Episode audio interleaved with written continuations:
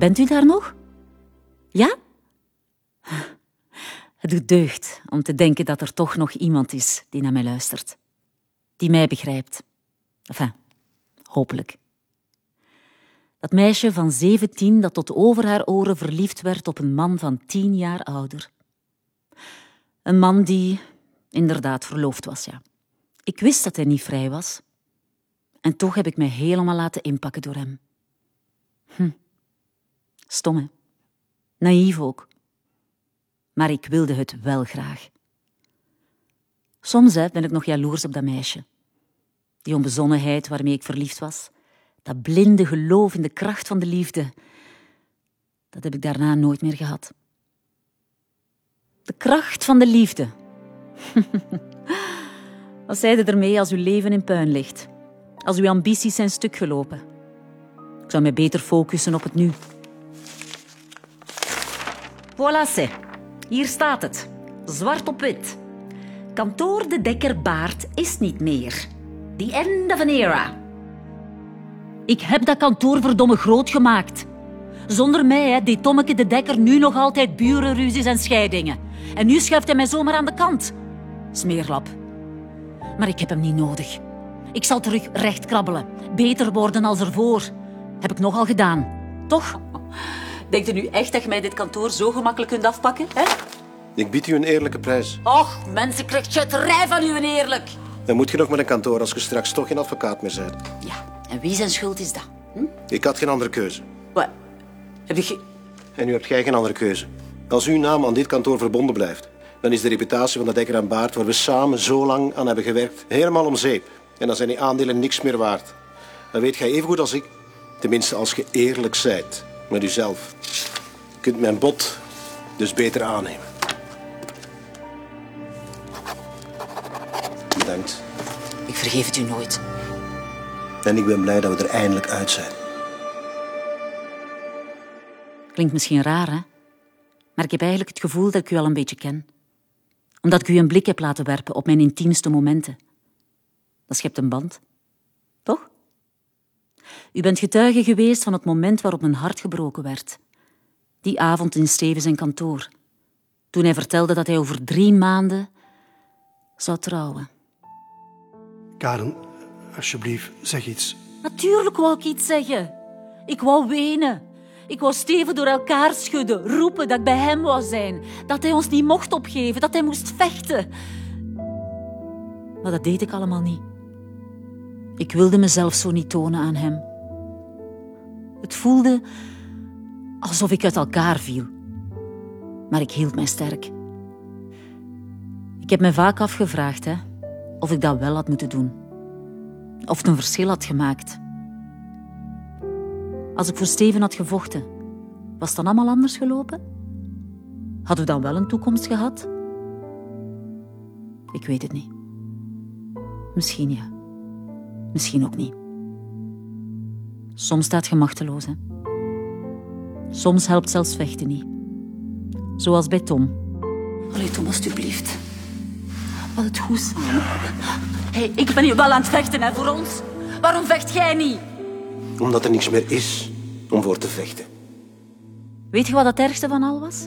Dat Steven de deur op een kier liet staan. Want hij zei ook dat hij twijfelde. Dat hij niet wist wat hij moest doen.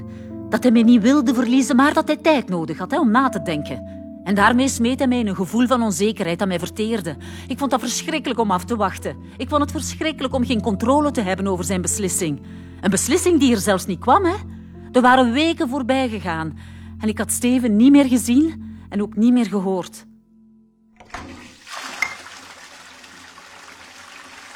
Hmm, Dat is nu al de vierde keer op twee weken tijd dat mijn ontbijt er terug uitkomt.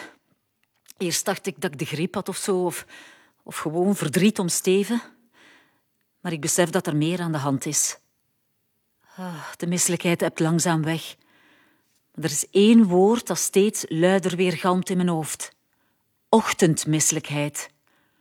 Oh, shit. Ik ben toch niet zwanger, hè? Het idee alleen al zorgt ervoor dat mijn maag opnieuw omdraait. Nee, nee, nee, nee, dat mag niet, hè. Dat kan niet, hè. Maar wat als het wel zo is, wat moet ik dan doen? Allee, kom aan, Karen, kom aan. En niet panikeren, hè. Dat is allemaal nog niet zeker. Ik ben niet zwanger. Dat kan gewoon niet, oké? We hebben het altijd veilig gedaan. Ik ben niet zwanger. Er is waarschijnlijk een, uh, ja, logische verklaring voor al dat kotsen. Maar ik ben niet zwanger. Ik blijf die woorden keer op keer herhalen in mijn hoofd, tot ik het uiteindelijk bijna zelf geloof. Maar geloven, hè, dat is niet genoeg. Ik heb zekerheid nodig.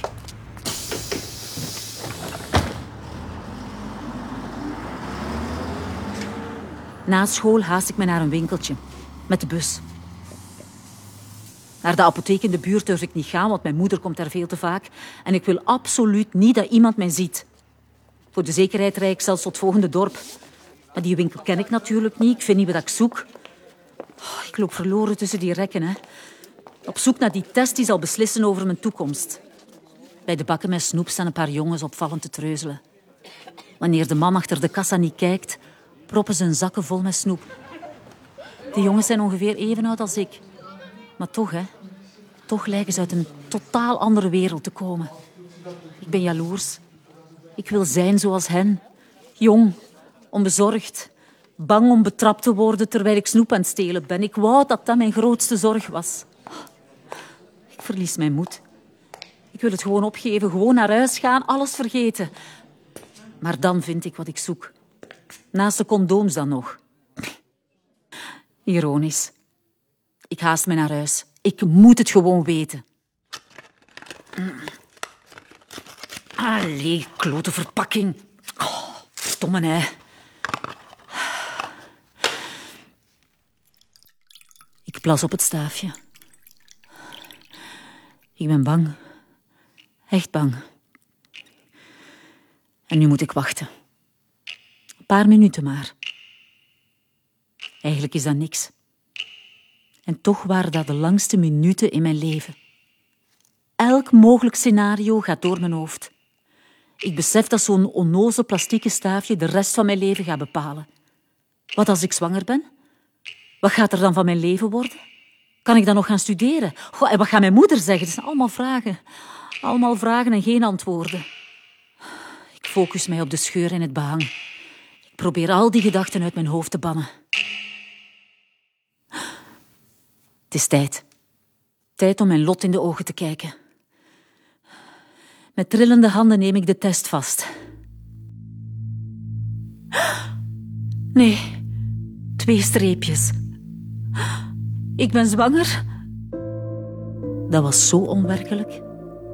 Op een paar minuten tijd was heel mijn leven voorgoed veranderd. Maar dat besefte er ook niet door. Ik heb die woorden zeker honderd keer luidop herhaald. Ik ben zwanger. Ik ben zwanger. Ik ben zwanger. Ik, ik kon er mij gewoon niets bij voorstellen. Het was te moeilijk om het te geloven.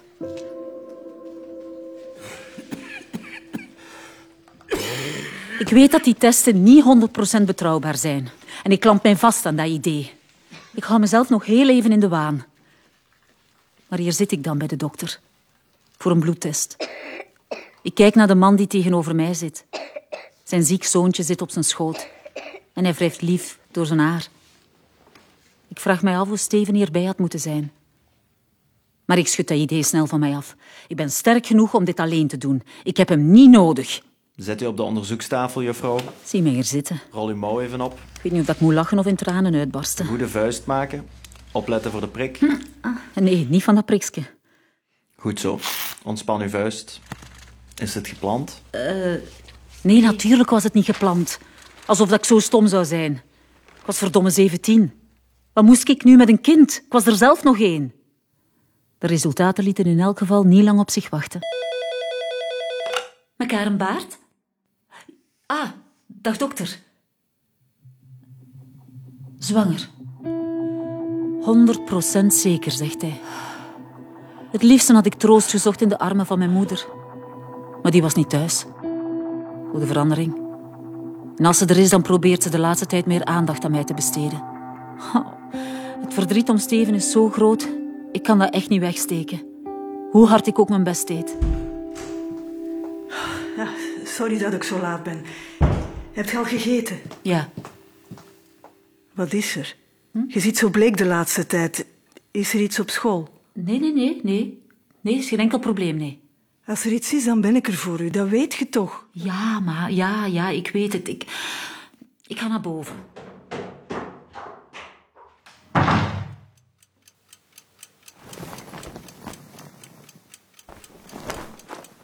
Ik kan niet slapen. Mijn gedachten gaan alle kanten op. Wat moet ik in godsnaam doen? Ik weet het niet, hè? Ik wil hier gewoon niet mee bezig zijn. Ik zou op zoek moeten gaan naar een kot. Mij stilaan voorbereiden op mijn eerste jaar rechten. Ik ben kwaad op Steven, omdat hij mijn wereld nog maar eens op zijn kop zet. Maar ben vooral kwaad op mezelf, omdat ik zo onvoorzichtig ben geweest. Ik heb de rest van mijn leven op het spel gezet. Een kind past toch niet in de toekomst die ik voor ogen heb. Mijn leven moet verdomme nog beginnen. Ik ben toch veel te jong om al mijn dromen nu al op te bergen. Ik wil studeren, carrière maken als advocaat. Dat is wat ik altijd gewild heb. Ik wil dat niet opgeven. Het is een ramp. Ondanks alle paniek was ik op een vreemde manier ook gerustgesteld. Ik weet dat dat raar klinkt, dus ik zal mijn best doen om het zo goed mogelijk uit te leggen. Kijk, in de weken voordat ik wist dat ik zwanger was, hè, had het zo vaak gevoeld alsof ik het mij allemaal had ingebeeld. De tijd met Steven en onze momenten samen leken zo ver weg. Als een droom die te mooi was geweest om waar te zijn. Maar nu was ik zwanger. En dat veranderde alles. Want in mijn buik zat het bewijs van de liefde die we hadden gedeeld. We zouden voor altijd met elkaar verbonden zijn door het kind dat in mij groeide.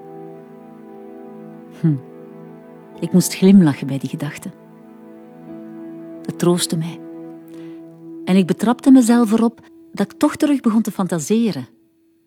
Fantaseren over een toekomst samen met Steven. Misschien was het toch mogelijk. Een leven met een kind. Als het moest, zou ik het kunnen. Als het maar met hem zou zijn. Samen konden wij alles aan. Daar was ik echt van overtuigd. hey, Steven. Ik, ehm, ik moet u zien. Ik moet u iets zeggen. Ik kom morgen vroeg naar uw kantoor. Oké? Ik speel het bericht voor de tiende keer af. Het voelt zo goed om haar stem eindelijk weer te horen. hey, Steven. Zo vertrouwd, Ik moet u zien. maar toch ook niet. Moet u iets zeggen? Ze klinkt stiller dan gewoonlijk. Ik kom morgen vroeg naar uw kantoor. Oké? Ik ben nerveus. Ik kijk er naar uit om haar eindelijk terug te zien, maar ik ben ook bang. Ik weet niet hoe ze gaat reageren op het nieuws dat ik heb. Er is zoveel veranderd sinds die laatste keer. En er zou nog zoveel meer kunnen veranderen. Ik ga het haar gewoon rustig en eerlijk vertellen. Ik mag mij niet uit mijn lood laten slaan door haar. Ik moet mijn hoofd erbij houden. Anders krijg ik het nooit gezegd. Dat neem ik mij voor. Maar als ze een paar minuten later voor mijn neus staat, ben ik het allemaal in één keer vergeten. Ik kan niet anders dan haar stevig vastpakken. hey, Steven. Ik heb u zo gemist. Ja, ehm, Steven, wij, wij, moeten praten. Ja, ja, ja, ja zeker. eh, Ga zitten. Dank u. Ik, eh, Eh, doe maar. ik, ik heb u verteld over mijn broers, hè? Dat ze hun eigen bedrijf uit de grond hebben gestampt. Eh, ja? Bon, de zaken gaan heel goed en ze zouden willen uitbreiden. Ze hebben mij gevraagd om mee in hun bedrijf te stappen. Ah, dat is keigoed nieuws, toch? Ja, ja, ja, zeker. Eh, Dat is een kans die ik niet mag laten schieten. Ik wil al een hele tijd iets anders doen. Je weet dat, hè. Prof zijn, dat is niks voor mij. Die reuma zie ik eh, niet echt zitten. Ja, eh, dat is allemaal heel tof voor u, Steven. Maar ik... eh, Momentje, Karen. dat is nog niet alles. Als ik ja zou zeggen, dan moet ik naar Canada verhuizen. Het is een geweldige opportuniteit. Canada? Ja, ja, Canada, geweldig. Eh, Isabel ziet dat ook helemaal zitten om daar een leven op te bouwen. Ah, Maar, Karen, luister goed. Als jij het wilt, dan blijf ik hier. Ik was zo blij toen je belde. Dat heeft mij doen beseffen dat ik u echt niet kwijt wil. Voor u wil ik mijn droom opgeven. ik vind dat je moet gaan. Wat? Het moest ooit stoppen. Dat wisten wij allebei. Ah, wel, dan stopt het nu. Dat meent je niet. Ga naar Canada. We hebben toch geen toekomst samen. Kom aan, Karen. Dag, Steven. En voilà. Dat was het dan. Daarmee was blijkbaar alles gezegd. Ik zie de liefde van mijn leven verdwijnen door de deur. Ze wandelt weg uit mijn leven. Zonder om te kijken. Alsof het niks is.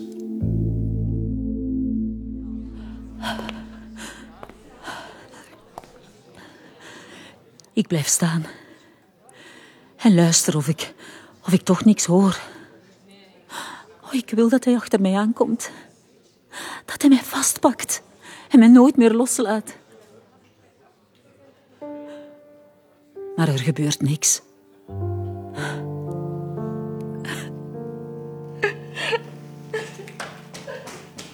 Het was zo moeilijk om die woorden uit te spreken. Om kil te zijn en niet te tonen hoeveel pijn hij mij deed. Steven moet gedacht hebben dat het allemaal niks betekent had voor mij. Dat ik het kon vergeten en zomaar verder kon gaan met mijn leven. Terwijl dat, dat verdomme het moeilijkste is wat ik ooit heb moeten doen. Maar ik had geen andere keuze. Ik moest hard zijn en de beslissing in zijn plaats maken. Vanaf dat Steven over Canada begon, wist ik dat voorbij was. Ik was hem kwijt. Als ik hem ooit al echt had gehad. Hij zou mij altijd verweten hebben dat ik zijn droom kapot had gemaakt. Het enige wat ik kon doen, was mijn emoties afblokken. De situatie rationeel analyseren. Er moest een einde aankomen. En dat einde moest drastisch zijn. De deur mocht niet nog een keer op een kier staan. Er mocht zelfs geen sprankeltje hoop meer overblijven. Ik ging kapot aan dat blijven hopen. En het zou minder pijn doen als er duidelijkheid was. Misschien zou ik het dan eindelijk kunnen afsluiten. oh, ik wou dat zo graag geloven. Ja, ik, ik heb Steven weggeduwd, ja. Maar hij ging er ook niet tegenin, hè. Hij liet het gewoon gebeuren. Ik wou niet liever dat hij mijn argumenten aan de kant schoof en toch voor mij zou kiezen, maar dat deed hij niet. Ik ben het blijkbaar niet waard om voor te vechten. Dat wordt de laatste tijd pijnlijk duidelijk. Ik had op dat moment kunnen zeggen dat ik zwanger was, ja. Als Steven het had geweten, dan was het waarschijnlijk allemaal anders gelopen. Ik weet dat ik het recht niet had om dat te verzwijgen, dat het egoïstisch was en hij heeft mij dat terecht verweten. Maar ik wilde niet dat hij alleen maar bij mij zou blijven, omdat hij zich verplicht voelde. Dan had hij niet voor mij, maar voor ons kind gekozen. Ik kon hem niet emotioneel chanteren, dat kon ik niet. Ik wist toen natuurlijk nog niet dat Steven nooit kinderen zou krijgen met Isabel. En dat dat het grootste gemis in zijn leven zou worden. Dat maakte het achteraf alleen maar pijnlijker. Hm. Als we op voorhand allemaal zouden weten welke gevolgen onze keuzes zouden hebben, hè, dan zouden we het misschien anders doen. Ja, dan zou het leven makkelijk zijn. Hm? Maar ik wil me niet verliezen in die eindeloze wat-als-gedachten. Dat heeft geen zin. Het is wat het is. Het leven is keihard. Dat besefte ik toen ook al. Ik heb mezelf twee dagen gegeven om eens goed uit te blijten en dan was het genoeg met al het zelfmedelijden. Ik moest verder met mijn leven.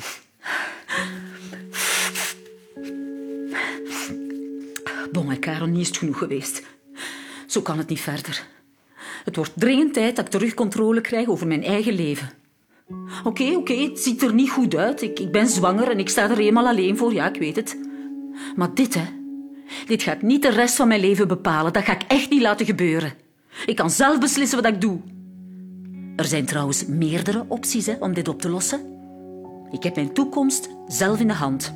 Steven heeft voor zijn droom gekozen. En wel, ik ga dat ook doen. Ik moet en ik zal advocaat worden. Daar ben ik zekerder van dan ooit tevoren. Dit is de laatste keer geweest dat ik tranen heb gelaten voor Steven. Ik moet het loslaten. Ik moet hem vergeten, doen alsof hij nooit bestaan heeft.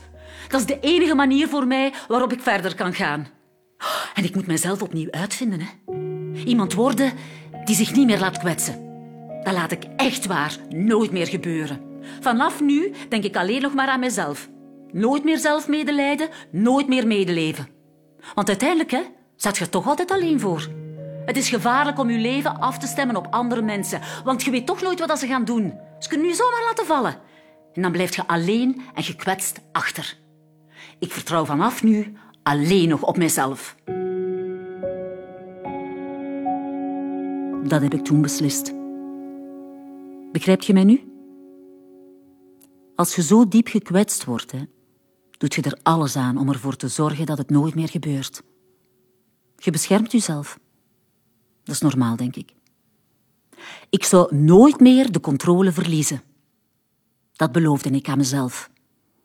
En vanaf dan hield ik anderen op een veilige afstand en duwde ik iedereen die te dichtbij kwam genadeloos van mij af.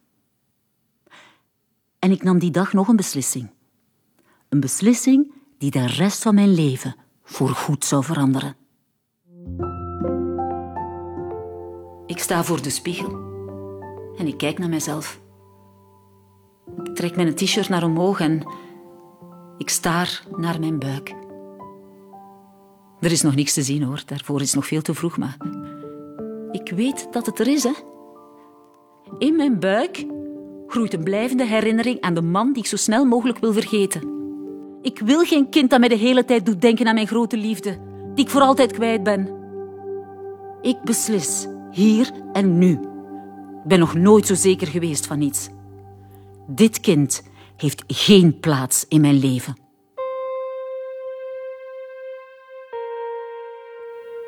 Ik weet dat dat hard en egoïstisch klinkt.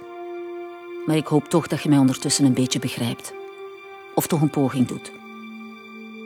Ik was zeker van mijn stuk. Dat kind moest weg. Dat was de enige manier om Steven achter mij te laten. Om echt verder te gaan met mijn leven. Maar dat was buiten mijn moeder gerekend. Ze kwam al snel te weten dat ik zwanger was. Je houdt het kind. Het is uw kind en mijn kleinkind. Het hoort bij ons. Ons? Mama, er is geen ons. Je hebt met moeite naar mij omgekeken. Ga je nu ineens bezorgd zijn om mijn kind? Nu ga jij eens goed naar mij luisteren. Als je dat kind wegdoet, gaat je daar heel je leven spijt van hebben. Misschien lijkt het nu onoverkomelijk, maar samen geraken wij daar toch door. Dit moet je niet alleen oplossen, Karin. Uw leven ligt nog helemaal voor u. Klopt. En daarom kan ik het niet houden. Maar dat kun jij wel en ik zal u helpen. Ik weet zeker dat je het graag zult zien. En de opvoeding, dat zullen wij samen doen. Dat hoeft geen trauma te worden. Bekijk het op langere termijn. Mama, het past niet in mijn lange termijn plannen. Je weet niet wat dat je zegt? Dat kind hè, wordt niet weggehaald. Ik was koppig. Maar zij, hè? Zij was nog veel koppiger. En uiteindelijk had ik de energie niet meer om tegen haar in te gaan. Dus gaf ik haar haar zin. Maar dat betekende niet dat ze gewonnen had. Ik was nog altijd zeker van mijn stuk. Ik veranderde het plan in mijn hoofd. Als abortus niet kon, dan zou het adoptie worden. Zolang ik dat kind maar niet moest opvoeden. Dat kon ik niet. Het zou mijn ondergang worden, dat wist ik zeker. Op die manier zou Steven mij toch nog kapot maken. De afstand tussen mij en mijn moeder werd altijd maar groter. Ik kon haar niet vergeven dat ze mij had gedwongen tot iets wat ik niet wilde. Het voelde als verraad. En hoe dikker mijn buik werd, hoe erger het werd natuurlijk. Hm. Mijn moeder deed wel heel hard haar best. Zijt gij de afspraak met de gynaecoloog niet vergeten? Ik ga mee. Nee, ma, dat is niet nodig. Je hebt wel wat beters te doen. Nee, nee, dit is het beste wat ik te doen heb. Trouwens, moeten wij de vader niet op de hoogte brengen? Die is er niet. Ze zei wel honderd keer dat ik er niet alleen voor stond. Ze zou er altijd voor mij zijn. En nog meer van die zever. Nooit heb ik haar verteld wie de vader was. Ik was het even vergeten. Het zou ondraaglijk geweest zijn om ons verhaal te doen. Om al die emoties opnieuw te beleven. Daar moest ik mezelf tegen beschermen. Maakte ook niks uit. Het was gebeurd, er was geen weg terug.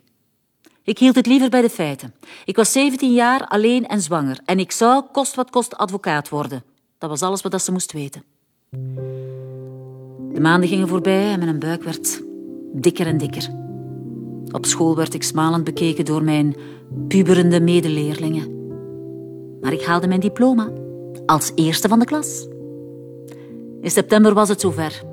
Ik begon zoals gepland aan mijn studies rechten.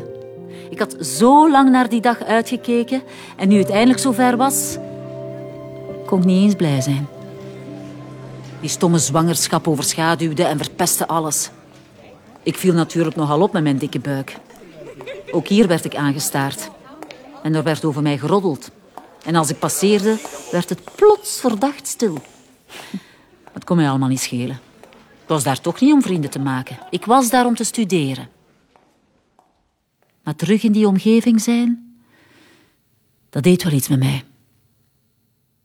Ik had wel bewust gekozen voor een andere universiteit dan die waar ik Steven had leren kennen, zodat ik niet elke keer geconfronteerd zou worden met wat ik wou vergeten. Ik deed zo mijn best, maar het hielp allemaal niet. Het was precies alsof Steven steeds opnieuw manieren vond om mij te raken. En veel had ik niet nodig. Iemand die te laat binnenkwam in de aula, dat was al genoeg om een herinnering op te roepen. Dan was ik er voor de rest van de les echt niet meer bij met mijn gedachten. Steven zat verdomme aan de andere kant van de wereld en dan nog lukte het mij niet om hem op afstand te houden. Op zo'n momenten kon ik zo kwaad worden op Steven. Maar hij was er niet natuurlijk. En dat frustreerde mij nog meer. Het enige wat er overbleef van hem was die dikke buik die ik zo vervloekte. Ik begon mijn verwijten te richten aan het kind dat in mijn buik groeide. Tuurlijk weet ik dat dat niet fair was, maar het was zo. En het deed me nog meer beseffen dat adoptie de enige juiste keuze was. Ik kon het zo'n onschuldig babytje toch niet aandoen om op te groeien met zoveel verwijten. Mijn kind verdiende beter dan een verbitterde moeder. Dat zou het beste zijn, voor ons allebei. Daar was ik absoluut van overtuigd. Ik moest nog een paar maanden volhouden en dan zou ik eindelijk vrij zijn om weer te doen wat ik wilde. Wat zijn een paar maanden op een heel leven? Niets toch? Zo probeerde ik mezelf moed in te spreken. Het was een hindernis die ik moest nemen. En daarna zou het eindelijk voorbij zijn. Maar het was lastig om positief te blijven. Ik haatte mijn lijf dat mij steeds meer in de weg zat. En ik haatte die hormonen waardoor ik mijn emoties niet altijd onder controle had. En ik haatte het om geen controle te hebben. Ik haat dat nog steeds. Tom en Peter hebben mij nu ook van mijn stuk gebracht. En ik heb op dit moment ook geen controle over mijn leven. Maar wat? Laten we teruggaan naar die baby. Het ergste was toch de nieuwsgierigheid. Want hoe hard ik ook probeerde om niet te fantaseren, het gebeurde toch. Ah. Mm. Ja, ik lig de hele tijd naar het plafond te staren. De baby stampt de hele tijd tegen mijn ribben. ik kan er niet van slapen. Ik vraag mij af of dat hij op Steven zal lijken. Of zij. Ja, ik weet niet of het een jongen of een meisje is. Ik wil het ook niet weten. Ik kan dat niet aan. Het is zo al moeilijk genoeg. Maar toch, ja, toch stel ik mij beide scenario's voor. Tot ik mezelf weer tot orde roep. Elke nacht voer ik een strijd met mijn eigen gedachten. Ik probeer streng te zijn. Ik sta mezelf niet toe om benieuwd te zijn. Ik wil er niet meer over nadenken. Ik heb afleiding nodig. En dus stort ik mij op mijn studies. Die laatste maanden doe ik niet veel anders dan studeren, eten en slapen. Ik blok tot ik helemaal uitgeput ben, tot er geen plaats meer is in mijn hoofd voor gevaarlijke gedachten. En mijn moeder, die is zorgzamer dan ooit. Precies of de baby meer zorg nodig heeft dan ik.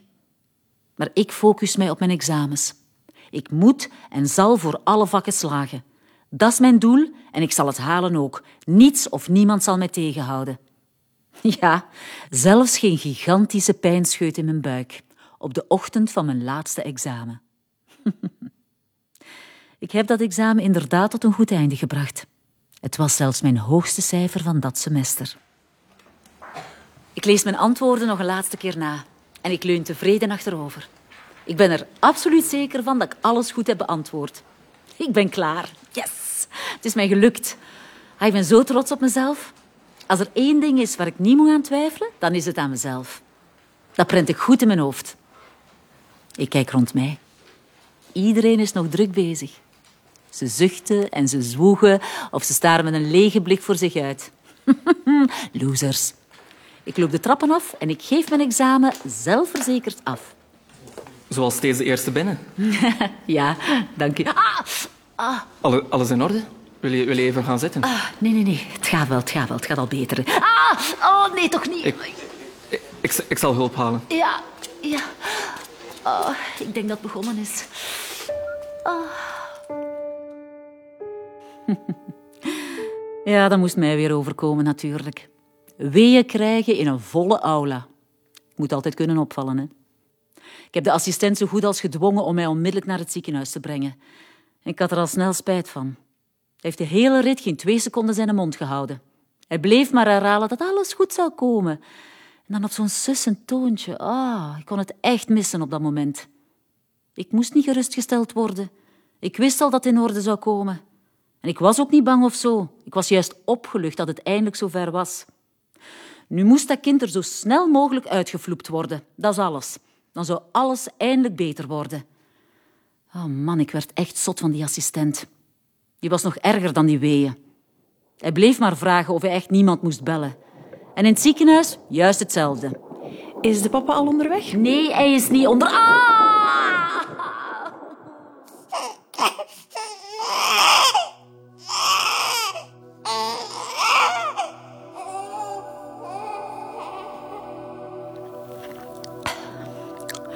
Mijn mond is droog.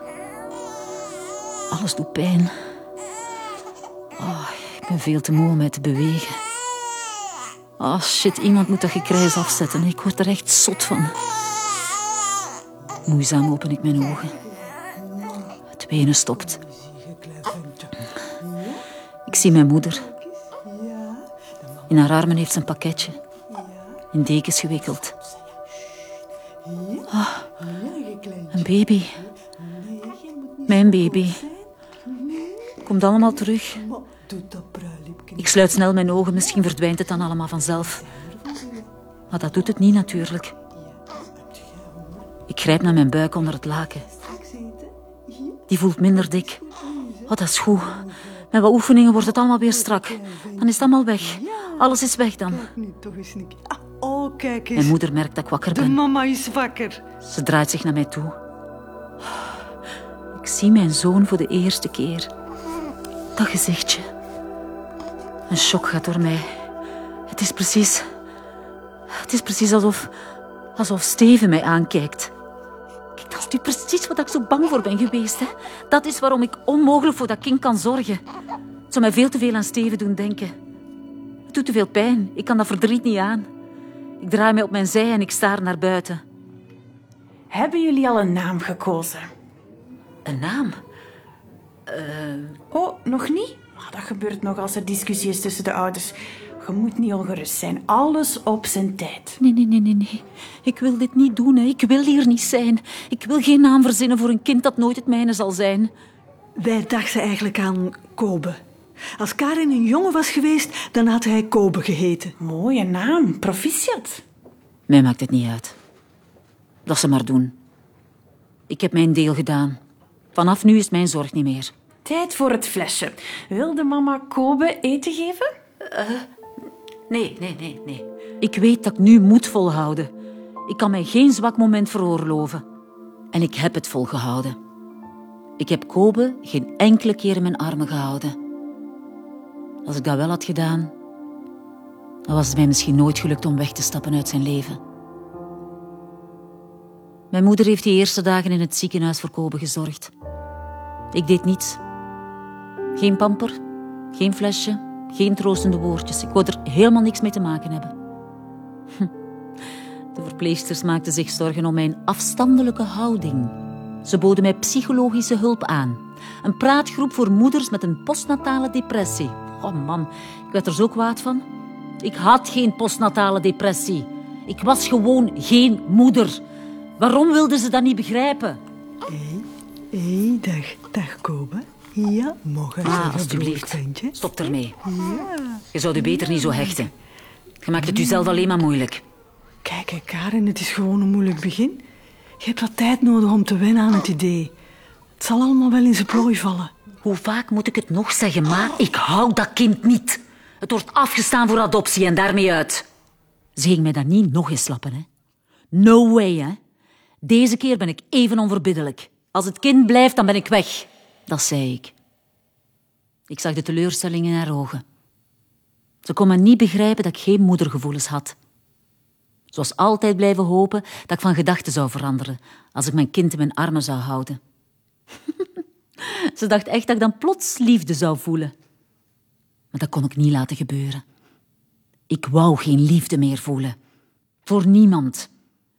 Ze heeft wel nog van alles geprobeerd om mij toch nog te overtuigen. Plots werd alles uit de kast gehaald. Al die moeite die ze nooit voor mij had gedaan, kon nu ineens wel. Ze zou minder gaan werken, ze zou Kobe opvoeden, ik zou kunnen studeren, dat beloofde ze mij allemaal. Maar dat was geen oplossing. Dan zou ik nog altijd elke dag herinnerd worden aan Steven, en dat wou ik niet. Ik was duidelijk geweest en ze wist dat ik het meende. Maar toch was ze verbaasd toen ik met mijn bagage klaar stond om te vertrekken. Ik had haar gewaarschuwd. Het was haar dochter of haar kleinzoon. En zij had haar keuze gemaakt. En zo vluchtte ik weg van alles en van iedereen. Het doet mij wel iets om dit allemaal aan jullie te vertellen. Toen dacht ik echt dat ik de juiste beslissing had gemaakt. Dat het beter was voor ons alle twee. Maar ondertussen weet ik hoe hard ik Kobe daarmee heb gekwetst. Ik was niet van plan om ooit terug te keren. Op dat moment dacht ik dat ik mijn zoon voor de laatste keer had gezien. Maar het leven neemt soms rare bochten en onverwachte wendingen. En ik kan alleen maar blij zijn dat het anders gelopen is. Karin, zijt je dan niet nieuwsgierig? Wilt je dan niet weten wie hij zal worden als hij opgroeit? Nee, moeder. Ik ben niet nieuwsgierig en niet geïnteresseerd ook. Oh, maar kindje toch. Op dat moment was er geen ander antwoord denkbaar voor mij. Maar nu... Hm. Nu ben ik dankbaar dat ik met mijn eigen ogen kan zien wat voor een fantastische man Koben is geworden. En dat Steven ook nog de kans heeft gekregen om zijn zoon te leren kennen. Ja, daar ben ik ook echt blij om. Het is echt ongelooflijk hoe groot het hart van Koben is. Ik heb hem gedumpt. Ik heb hem in de steek gelaten. Ik ben weggegaan zonder ooit nog naar hem om te kijken. Maar na alles wat ik hem heb aangedaan, heeft hij mij toch toegelaten in zijn leven. Hij heeft mij zelfs gevraagd om hem weg te geven op zijn trouw. Ja, ik geef toe, ik stond er niet direct voor te springen. Al dat melig gedoe, hm, niet echt iets voor mij. Maar stiekem? Hm. Stiekem vond ik het ook wel tof. Als je ziet van waar we komen, was het toch wel schoon. Tom heeft mij daar toen nog mee geplaagd. Je gaat daar zo van genieten. Hè? Je zult zo'n typische trotse moeder zijn die een traantje wegpinkt. Als haar zoon door het gangpad naar zijn bruid schrijnt. Ik denk het niet. Ja, Allee, wel, kom, dus ben bezig. Kom. maar. Nee, Tom. Geef maar toe, kom aan. Veel... Allee, kom aan. Ah, het is zo raar om daaraan terug te denken. Het voelt al zo lang geleden. Toen ging het allemaal nog zo goed. Tussen Tom en mij was het nog altijd plagen is liefde vragen. En ik had Kobe nog niet teleurgesteld. Voor de zoveelste keer. Ah, ik denk dat het tijd wordt dat ik afrond. Voor ik me helemaal verlies in dit soort gedachten.